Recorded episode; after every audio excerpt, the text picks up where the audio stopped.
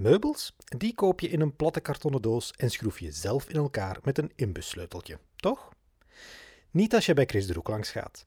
Hij restaureert liefdevol oude en beschadigde meubelstukken met technieken die bijna niemand meer kent. En met hypermoderne technologie. Zijn atelier is een wonderkamer vol verhalen. Dit is Check Days en ik ben Toon van de Putten.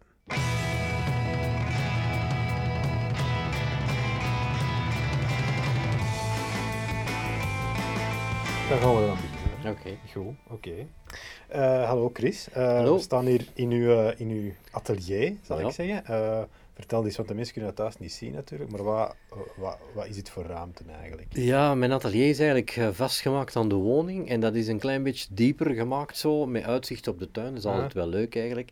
Ehm dat heb ik eigenlijk ook voorzien als effectief atelier bij de bouw van het huis, zodanig ja. eigenlijk dat dat werkelijk als een gereserveerde ruimte kan, kan beschouwd worden. Dat is ook onafhankelijk, het is natuurlijk wel aangebouwd, maar het is voor de rest eigenlijk onafhankelijk van Ja. het huis, zodanig als ik de deur toedoe, dat er eigenlijk weinig mensen last hebben van het Ja. geluid. En gebeurt er hier dan zo bijvoorbeeld? Ja, dat is eigenlijk hier gebeurt van alles. Hè, want de mensen eigenlijk, het is spijtig dat ze het niet kunnen zien, maar uiteindelijk Ja. staat dat eigenlijk wel een beetje vol. Dus Ja. uit- als je zo een beetje de, de samenstelling van de werkkamer bekijkt eigenlijk als atelier, dan heb je eigenlijk eh, vo- hoofdzakelijk eh, machinerie voor houtbewerking. Mhm. Ehm, zoals een, ehm, een combine en een houten draaibank en eh, een lintzaag en een schaafmachine.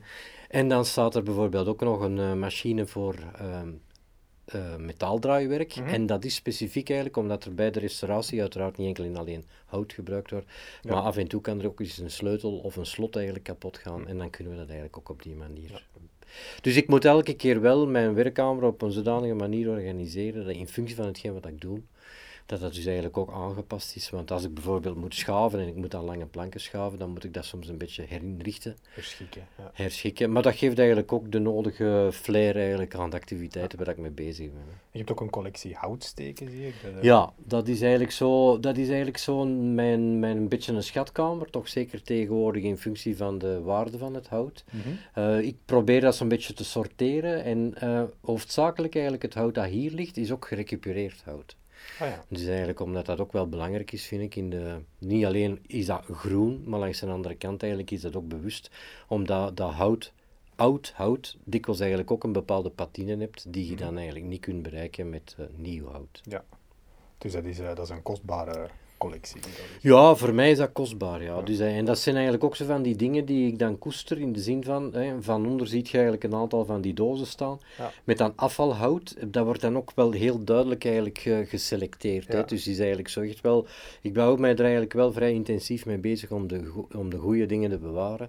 En ik weet dan eigenlijk ook wat ik heb. Hè. Dus zodanig eigenlijk, als ik dan ergens een restauratie doe, dat ik eigenlijk geen oneindige zoekacties moet doen, dan weet ik van, ah ja, dat heb ik daar liggen, dan kan ik dat eigenlijk ook Mhm. nemen. Achter u zie ik ook een heel schap vol met... Ja, ja, dat, een heel, heel bijna, zou ik Ja, ja, ja, ja, dat is eigenlijk, ja, dat is, ehm, restaureren is eigenlijk heel, heel sterk gekoppeld aan, ja, chemie, eigenlijk in het algemeen. En dan als je over kleurstoffen bijvoorbeeld praat, er staan dan erboven een aantal pigmenten. Dat zijn eigenlijk oxidepigmenten en dat, dat schijnt eigenlijk allemaal wel onschuldig, maar sommige dingen zijn echt wel giftig. Ja. Ehm, bijvoorbeeld, mensen zullen eigenlijk ook wel weten die een beetje in dat vak zitten. Chroom bijvoorbeeld, dat is eigenlijk op zich een, ehm, een metaal waar dat de oxides eigenlijk als pigment gebruikt worden. Maar dat werd vroeger bijvoorbeeld ook gebruikt voor eh, ja, verrijking van een aantal glassoorten of voor een aantal eh, effecten te, te bekomen eigenlijk in functie van, ehm, van metalen. En dat is echt wel giftig. Ja. Ehm, ja, en voor de rest heb ik allemaal zo van die antiekere producten, hè, zoals bijvoorbeeld beenderlijm, hè, dat, dat staat ertussen, maar even goed staat er van onder, eh, daar links polyester, in functie eigenlijk van de verschillende taken die je moet doen. Dus eigenlijk is er zo een afweging van welk product eigenlijk gebruikt je bij wat. En daarvoor is toch wel de nodige materiaalkennis nodig en eigenlijk ook de onderbouw. Hè. Dus eigenlijk de, de scheikunde en een beetje fysica is eigenlijk ook wel op zijn plaats eigenlijk om... eh, Er staan hier veel producten tussen die eigenlijk eh, ja, niet meer te krijgen zijn, of moeilijk te krijgen zijn. Of niet meer Moeilijk te, worden. krijgen, moeilijk te krijgen, zeker. Niet meer gemaakt worden, dan maak ik ze zelf. Op basis eigenlijk van een aantal componenten. Er staan er sommige, bijvoorbeeld wat dat heel in de, wat dat niet meer hoe moet ik zeggen, in de professionele handel zijn die wel te krijgen, maar iets dat bijvoorbeeld niet meer in de eh, gewone handel te krijgen is, bijvoorbeeld als je naar een brico zou gaan, dan ziet je daar bijvoorbeeld geen cellulose, cellulose lak. Ah, ja. Dat is eigenlijk een product dat enkel en alleen nog mag, mag verkocht worden in de professionele context. Dus er staan wel een aantal producten bij die je niet zult vinden. Ja. Oké.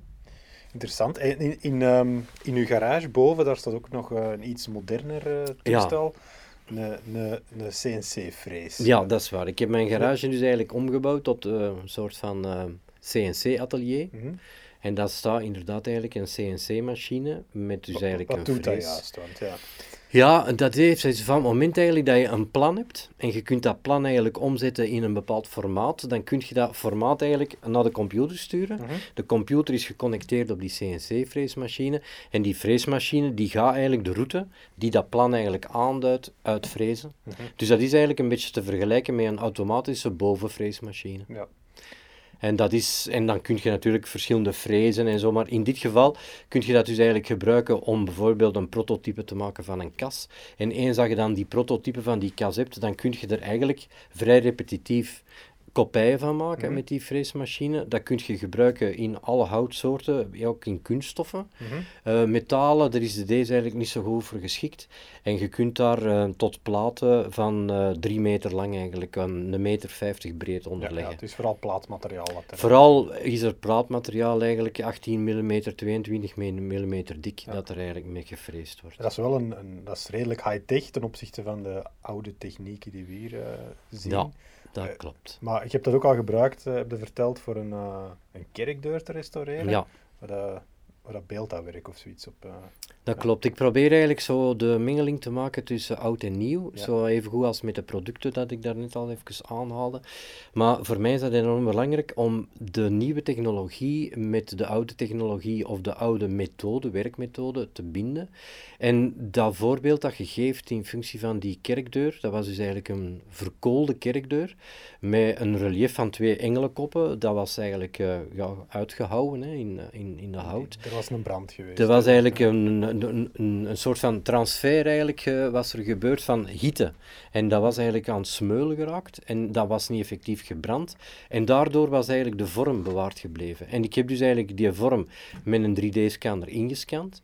Ik heb dat dan eigenlijk bewerkt zodanig dat al de, de, de ja, eigenlijk hetgeen wat dat beschadigingen die er dan toch door die brand Mhm. aan waren, heb ik dan ehm, in de computer of in de software eigenlijk gerestaureerd. En dan dat eigenlijk vertaald naar een freesschema, dat dan in lijnpatronen eigenlijk op, dat, op de freesmachine zelf wordt gefreesd. En uiteindelijk krijg je dus hetzelfde resultaat. Hm. Ehm, en dat het grote voordeel van dat is dat dat eigenlijk een bewerking is die dan terug betaalbaar wordt. Hè? Want Ja. als je bijvoorbeeld dat zou moeten laten doen en je zou eigenlijk volledig handgekerfd eigenlijk dan moeten eh, behandelen of, of, of terug opnieuw restaureren, dan zit je waarschijnlijk met een periode van drie maanden ja, en dan met prijzen van x, maar zeker niet goedkoop. Ja. Maar in dit geval eigenlijk, die machine heeft wel 24 uur gefreesd, maar uiteindelijk wordt dat dan een betaalbare Ja. restauratie. Ja. Zo heb je ook verteld van een, eh, een, een klok, dat als Ja. eh, ja, oude klokken die, die volledig digitaal eigenlijk eh, eh, gerestaureerd worden, Ja. virtueel dan. Dat is eigenlijk eh, omdat in vele gevallen natuurlijk, ah, en zeker als het mechanische toestellen zijn, Mhm. Eh, vroeger hebben we bijvoorbeeld houten klokken gemaakt en al die radarsystemen die dan in hout zijn, als die aangetast worden door bijvoorbeeld Memel, dan kun je dat allemaal wel bij wijze van spreken gaan restaureren, maar dan is een impact van het nieuw materiaal zodanig hoog dat je eigenlijk je afvraagt van, heeft dat wel zin? En vanuit Engeland is er dan toch de wind eigenlijk een beetje overgewaaid om dan te zeggen van, kunnen we dat niet puur digitaal restaureren? En dat wil dan eigenlijk zeggen dat de oorspronkelijke klok, die wordt volledig omgezet eigenlijk in een digitaal model. Die wordt ook ge-3D-scand eigenlijk. Die, ja, eigenlijk wordt die terug opnieuw getekend. Die Ah. wordt gemeten, die wordt wel 3D gemeten, al die verschillende elementen, die worden eigenlijk als componenten dan terug samengebracht in een assembly. Mhm. En die assembly, of die, samenges- die samenstelling van die verschillende componenten, dat wordt dan eigenlijk op dat moment de klok. En die klok die wordt dan gerestaureerd, eh, digitaal gerestaureerd. En dat is dus echt functioneel in de zin van dat er een simulatie wordt opgezet, zodanig dat je die klok echt laat kunt functioneren in de computer zelf. En die wordt dan, het origineel wordt dan geconserveerd. Dus daar ja. praat men niet meer over restauratie, daar praat men dan echt over conservatie. Dus die zit daar ergens in een kelder, mhm. onder geconditioneerde uh, omstandigheden, bewaren ze die dan. En mocht het dan zijn dat het bijvoorbeeld voor museale context toch nodig is om dat dan Ehm, te reproduceren, dan wordt dat eigenlijk als een kopij gewoon teruggemaakt, bijvoorbeeld op zo'n vleesmachine. Ja, Oké. Hm. Interessante wereld. De digitale restauratie. Ja. Uh, je hebt ook in, in uh, Oostende de Grote Post, dat is het, het uh, ja, gloednieuw cultureel centrum daar, toch, toch, nog maar een paar jaar oud. Ja. Uh, daar heb je ook heel wat werk voor gedaan. Hè? We hebben daar juist, uh, ja, gedaan. Dat, is eigenlijk allemaal nogal vrij eenvoudig begonnen met de restauratie eigenlijk van een gedeelte van de loketten. Dus mhm. als de mensen eigenlijk daar eens een keer binnenkomen, als ze dan de koperen deuren zien staan die achter de loketten staan, die heb ik eigenlijk allemaal gerestaureerd. Dan heb ik eigenlijk, er is een auditorium en dat auditorium is volledig gemaakt eigenlijk in uh, eiken fineer, stoelen. En ja, eigenlijk het volledige sprekenstoelte en dan ook uh, het bord en al hetgeen eigenlijk wat dan meer dient als lesgeefmateriaal. Mm Dat moest dus eigenlijk allemaal gerestaureerd worden. Dat heb ik daar gedaan. Ik heb daar uh, voor de rest eigenlijk uh, veel... Um, er waren um, diefstallen gepleegd eigenlijk van koperen uh, kapstokken. Ja. En die moesten dan naar het origineel terug opnieuw opgebouwd worden. Ik heb dat dan niet, niet alleen gedaan, maar ik heb dat eigenlijk ook samen gedaan met onze smid hier van... met de Johan van, van, van Kontig Kazerne. Ja. Dus, die, dat is ook iemand die in dezelfde mentaliteit werkt als ik. En als er dan in functie van metaal een aantal dingen moeten gebeuren, dan uh, vraag ik zijn assistentie. Ik heb bijvoorbeeld ook de postvakken terug opgericht, dat is eigenlijk ook wel interessant. Dus als mensen binnenkomen aan de rechterkant, zijn er eigenlijk postvakken die vroeger gebruikt werden om, ja, als mensen geen brievenbus hadden. Postbussen Postbussen, dan kon je gewoon hun post eigenlijk er gaan halen.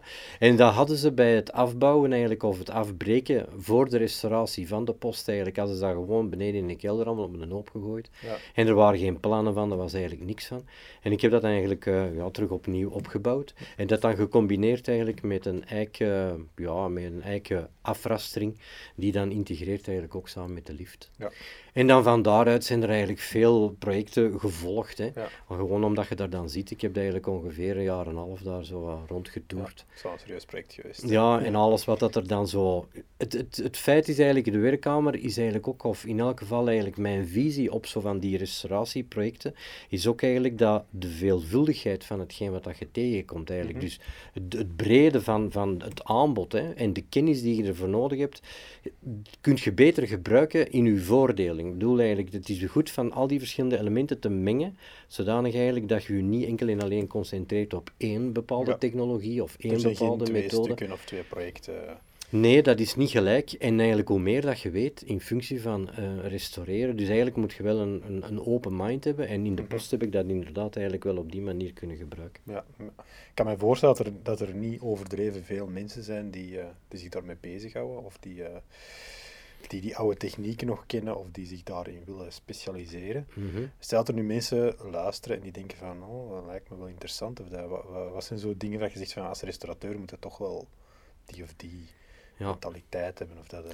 Het heeft eigenlijk enorm veel te maken, in eerste instantie eigenlijk met de juiste attitude. Hè? En de attitude die je moet, vooral moet hebben eigenlijk, is de openheid van geest. Hè? Dus eigenlijk, je moet ontvankelijk zijn voor hetgeen wat dat je omgeving je biedt. Dus eigenlijk, voor mij is er een enorm belangrijk woord in alles wat ik doe, dat is gewoon respect. Hm. Dat is eigenlijk een enorm belangrijk woord. Dat respect, dat moet je tonen ten opzichte van je klant, dat moet je tonen ten opzichte van je leveranciers, maar dat moet je vooral tonen ten opzichte van het object waar je mee bezig hm. Als je dat niet kunt opbrengen eigenlijk voor dat bijna als een persoon te beschouwen, en eigenlijk dat ook op die manier, of met, met, met uw object te communiceren op die manier, dan is er al zoiets een beetje verkeerd. Hè? Omdat je dan dikwijls de neiging hebt om je eigen wil op te leggen op hetgeen wat je aan het restaureren bent. Mhm. En van het moment dat je dat doet, dan sprutelt per definitie eigenlijk uw tegenpartij tegen.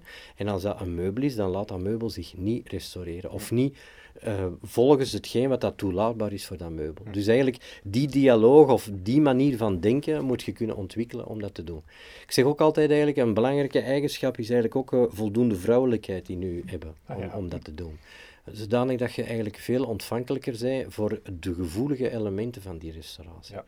Met het brute geweld en het macho-gedrag gaat dat niet in orde komen. Geduld zal waarschijnlijk ook een... Uh... Geduld is ook een belangrijk aspect, maar ik denk dat dat geduld automatisch komt van het moment eigenlijk dat je de juiste communicatie met je object hebt. Ja. Dat is zo'n beetje zoals het zen-principe of het yoga-principe.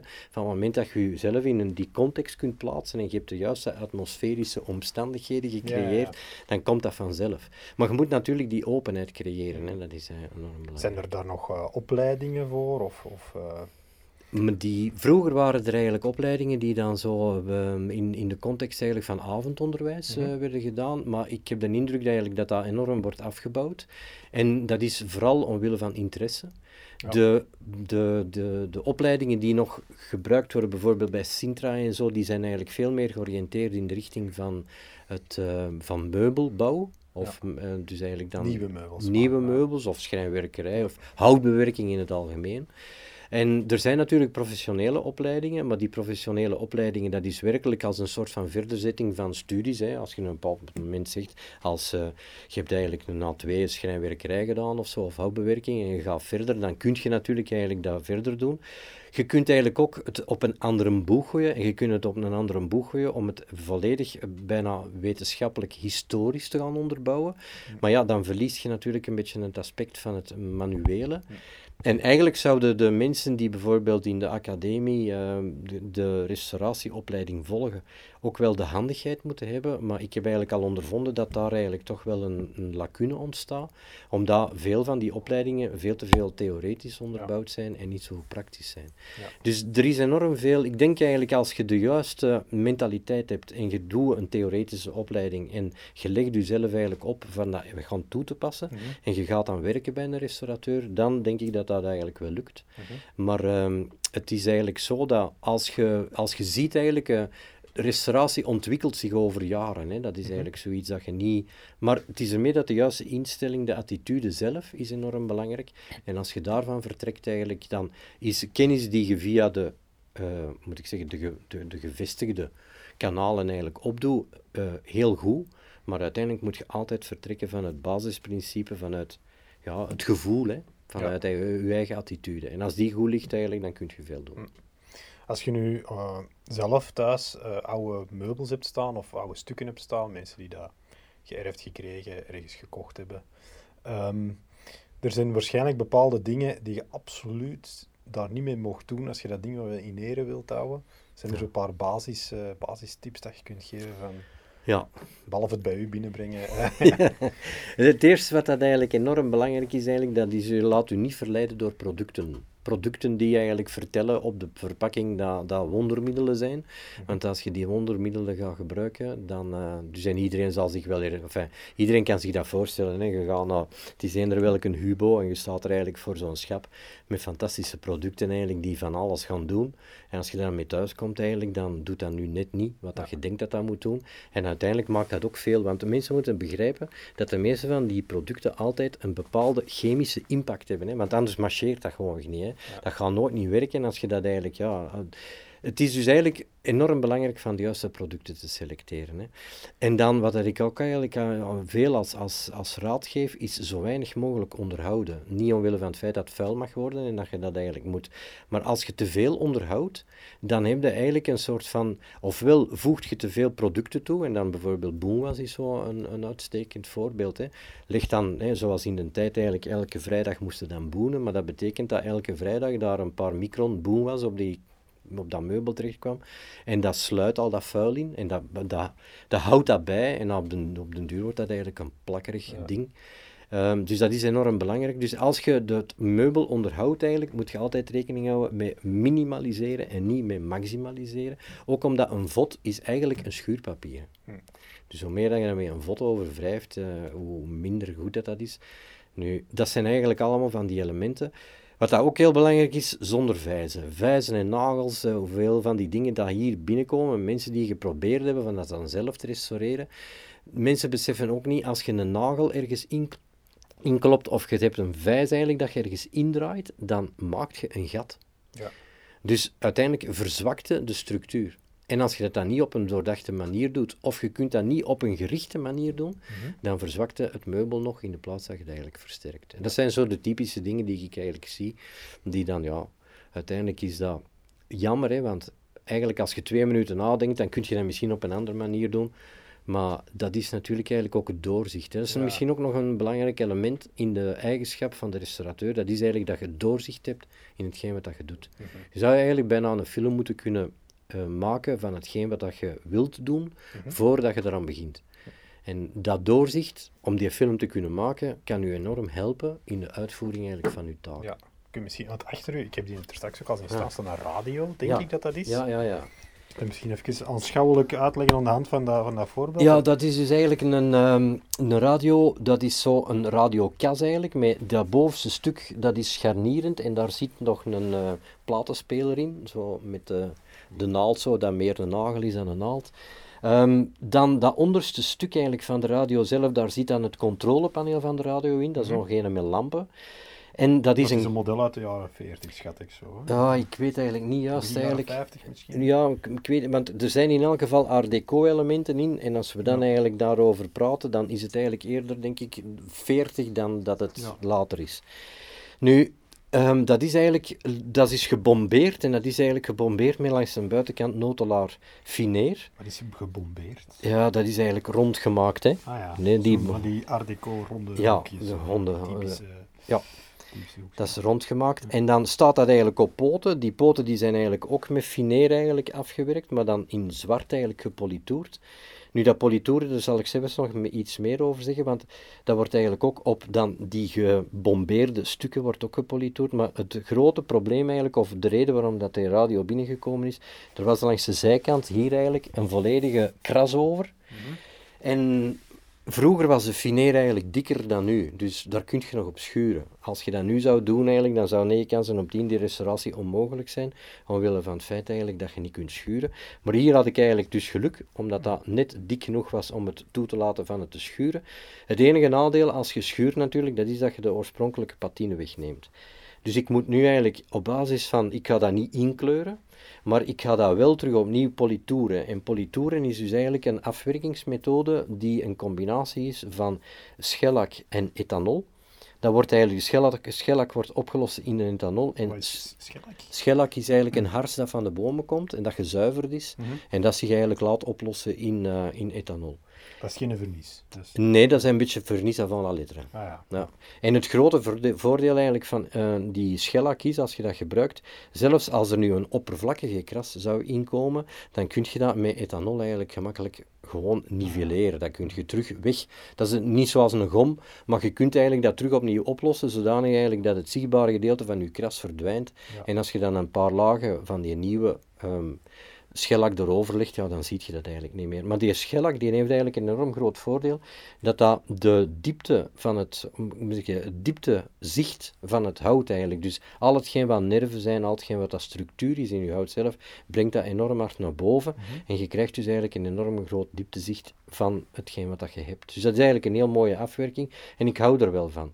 En ik denk eigenlijk, mochten ze bijvoorbeeld nu ehm, ja, op kasten of zoiets, hè, nu, het is iets minder duurzaam dan, dan vernis, omdat je eigenlijk, maar het is enorm, het is veel gemakkelijker te behandelen, want stel nu dat je op een bepaald moment zegt van ja, dat is toch niet zo mooi niet meer, of ik zou dat eigenlijk terug opnieuw een klein beetje willen opmaken, dan volstaat het eigenlijk van dat terug eerst te egaliseren met ethanol, en dan terug een aantal lagen eh, van die schellak daarop te leggen, zodanig dat je eigenlijk, met schuurpapier moet je daar niet aankomen. Ja, ja. Maar dat zijn ook zo van die dingen die de meeste mensen niet weten. En die eigenlijk, maar het is ook niet zo gemakkelijk. Hè. De techniek eigenlijk van het politoeren is toch iets wat dat je in je vingers moet krijgen. Maar eens dat je dat eigenlijk kunt, is dat een, heel- is een enorm dankbare manier van Dus eh, afwerken. zo'n- stel die oude radio, die is, met, die is niet gevernist. Dat je die begint af te schuren, dan, eh Nee. dan is dat de knop. ja, dat is zo. hè. Niet doen. Ja. Ja. Dus ja, nu in dit geval natuurlijk, die linkse kant heb ik wel moeten doen omwille van die kras. Maar de, wat dat eigenlijk dan de, de enfin, niet een truc is, wat, dat je eigenlijk de, de, de, de patine die je oorspronkelijk eigenlijk hebt, of die, de, de verouderingspatine, is een patine die vooral door het licht komt. Dus als je dan eigenlijk dat hout voldoende lang laat open liggen en de omgevingsfactoren zijn werk laat doen, dan krijg je al terug opnieuw eigenlijk een beetje die natuurlijke patine. En door de politour eigenlijk krijg je nog eens een keer een soort van, ja, dan krijg je dat terug toch een soort van basis waar dat je van zegt. Het is belangrijk eigenlijk, van als je die restauratie uitvoert, dat je linker, in dit geval linker en rechterkant in balans brengt met elkaar, zodanig dat je aanvoelt dat dat meubel zegt, oké, het is in orde zo. Hè. Dus, maar dat gaat wel lukken, dus dat komt wel goed. Oké, schoon, uh, schoon stuk. Het zal ja. prachtig zijn als dat is. Um, dan even terug naar de 21ste eeuw, niet meer jaren 40. Ja. Um, op uw CNC-frees heb je ook uh, een, een, project voor studentenkamers. Ja. Uh, waar dat, ja, gevreesde meubels eigenlijk, die je aanbiedt in een, in een pakket. Hè. Vertel daar eens iets over. Ja, dat is eigenlijk een beetje, dat is ook iets speciaals eigenlijk. Er is een Italiaans bedrijf en die hebben connectoren, dat is het bedrijf eigenlijk Playwood, maar dat is eigenlijk werkelijk geschreven zoals speelwood. Hè. Speelhout. Dus, speelhout, hè, maar dan in, in het Engels. Um, dus die mannen die hebben connectoren gemaakt. En dat zijn eigenlijk plastieke connectoren met één grote, met eigenlijk een, een bout en een boer in het midden. En dat zijn twee componenten die dan samen gedrukt worden door eigenlijk die een bout en die moer aan te vijzen. Mhm. En als je daar dan langs twee kanten een plaat in steekt, dan zit die plaat geklemd tussen die twee componenten eigenlijk. Mhm. En dat is eigenlijk nogal een heel eenvoudige manier om meubelen te maken, want eigenlijk het enige wat je moet doen is goed nadenken van welke componenten of houten platen heb ik nodig, met welke connectoren, zodanig dat ik een zitje kan maken, dat ik een bureau kan maken of een kast kan maken. Mhm. En om dat bijvoorbeeld een beetje te illustreren met een zitje, dan moeten eigenlijk maar vier planken hebben van bijvoorbeeld 30 op 30 en dan moeten connectoren hebben 90 graden en dan heb je eigenlijk een zitje als je dat allemaal te samenvoegt. Dus dat is eigenlijk de basis om dan die kamer, die studentenkamer te maken. En het voordeel is eigenlijk dat dat dan allemaal vrij gemakkelijk te, te, te verhuizen is. Een ander voordeel, voor, voordeel is dat dat goedkoop is en een derde voordeel is dat je het eigenlijk terug kunt afbreken en terug kunt meenemen mhm. en ergens anders kunt opzetten. Dus dat is eigenlijk wel, ja, ik vind dat wel, wel netjes. En wat zit, wat zit daarin dan, in, in het, het studentenkamerpakket? In het studentenkamerpakket zit een bureau in, daar zit een zitje in, daar zit eigenlijk een, eh, een stand in om een beeldscherm op te zetten, of uw uh, tablet of uw gsm, en een kleerkast. Ah, en daar kan eventueel eigenlijk een bed aan toegevoegd worden, afhankelijk van het feit of dat, dat er nu staat of niet. Mhm. Maar dus, uh, en eigenlijk het bed als je dat eigenlijk heel uh, frank zou zeggen, dat is eigenlijk een tweede kleerkas. Mhm. Want als je een open kleerkas eigenlijk op de grond legt en je maakt dat eigenlijk, of je verschikt dat een klein beetje, dan kun je daar heel gemakkelijk een latoflex in leggen en dan uh, heb je eigenlijk een bed. Ja. Dus uh, uiteindelijk heb je twee kleerkassen dan. Dus dat, dat kan nog toegevoegd worden en in principe wordt het dan voorbereid voor dan eigenlijk de prijs die ik dan bepaald heb als een... Um, ja, een, flat pak, dat dan verder kan afgewerkt worden door de persoon in kwestie. Het kan eventueel ook gevernist worden of een andere afwerking, maar dan komt er eigenlijk wel iets bij. Ja. Wat kost het zo? Dus 500, 500 euro voor het, voor het totaal. En als er nog een kast moet bijkomen, enfin, een bed, dan komt er uh, nog 250 euro bij. Ja. En de mensen, uh, want we zijn, we zijn er stilletjes aan door, onze mm -hmm. tijd is stilaan op. Ja. En waar kunnen de mensen u vinden of waar kunnen ze dan uh, die studentenkamer bijvoorbeeld vinden? Ze kunnen mij op Facebook vinden, ze mm -hmm. kunnen mij op Twitter vinden en ze kunnen mij vinden op mijn website info Um, dat is, nee, info, dat is mijn mailadres, dat zal ik wel nog ineens ja. zeggen, info.dewerkkamer.be en mijn uh, webadres uh, is www.dewerkkamer.be. En op Twitter en op Facebook, uh, hoe vinden ze daar dan? Um, dan moet ik even denken, want mijn profiel, ja, op Twitter is het gewoon onder de ad werkkamer, ja, niet ja. de, maar werkkamer. En op Facebook denk ik eigenlijk dat ze moeten beginnen bij Christian de Roek ah, als okay. profiel. Want ik heb eigenlijk mijn professioneel profiel onder mijn persoonlijk profiel ah, moeten okay. maken. We zullen de links ook in de, in de show notes bij de podcast Dat is heel goed. Voilà. Ça va, prima. Okay. Heel erg bedankt. Goed, dat is graag gedaan. Dat was het. Bedankt om te luisteren. Als je tot hier geraakt bent, vond je dit vast een boeiende aflevering. Zet de sterretjes op 5 in Apple Podcasts en deel de link naar deze aflevering met al je vrienden. Heb je nog vragen of ideeën? Je vindt me via Checkpodcast op Twitter of op Facebook. Je kan ook mailen naar info.checkdays.be. Alle tips en links uit deze aflevering staan in de show notes en op de website www.checkdays.be. De muziek bij deze podcast is van WJLP. Die vind je op SoundCloud. Tot volgende keer.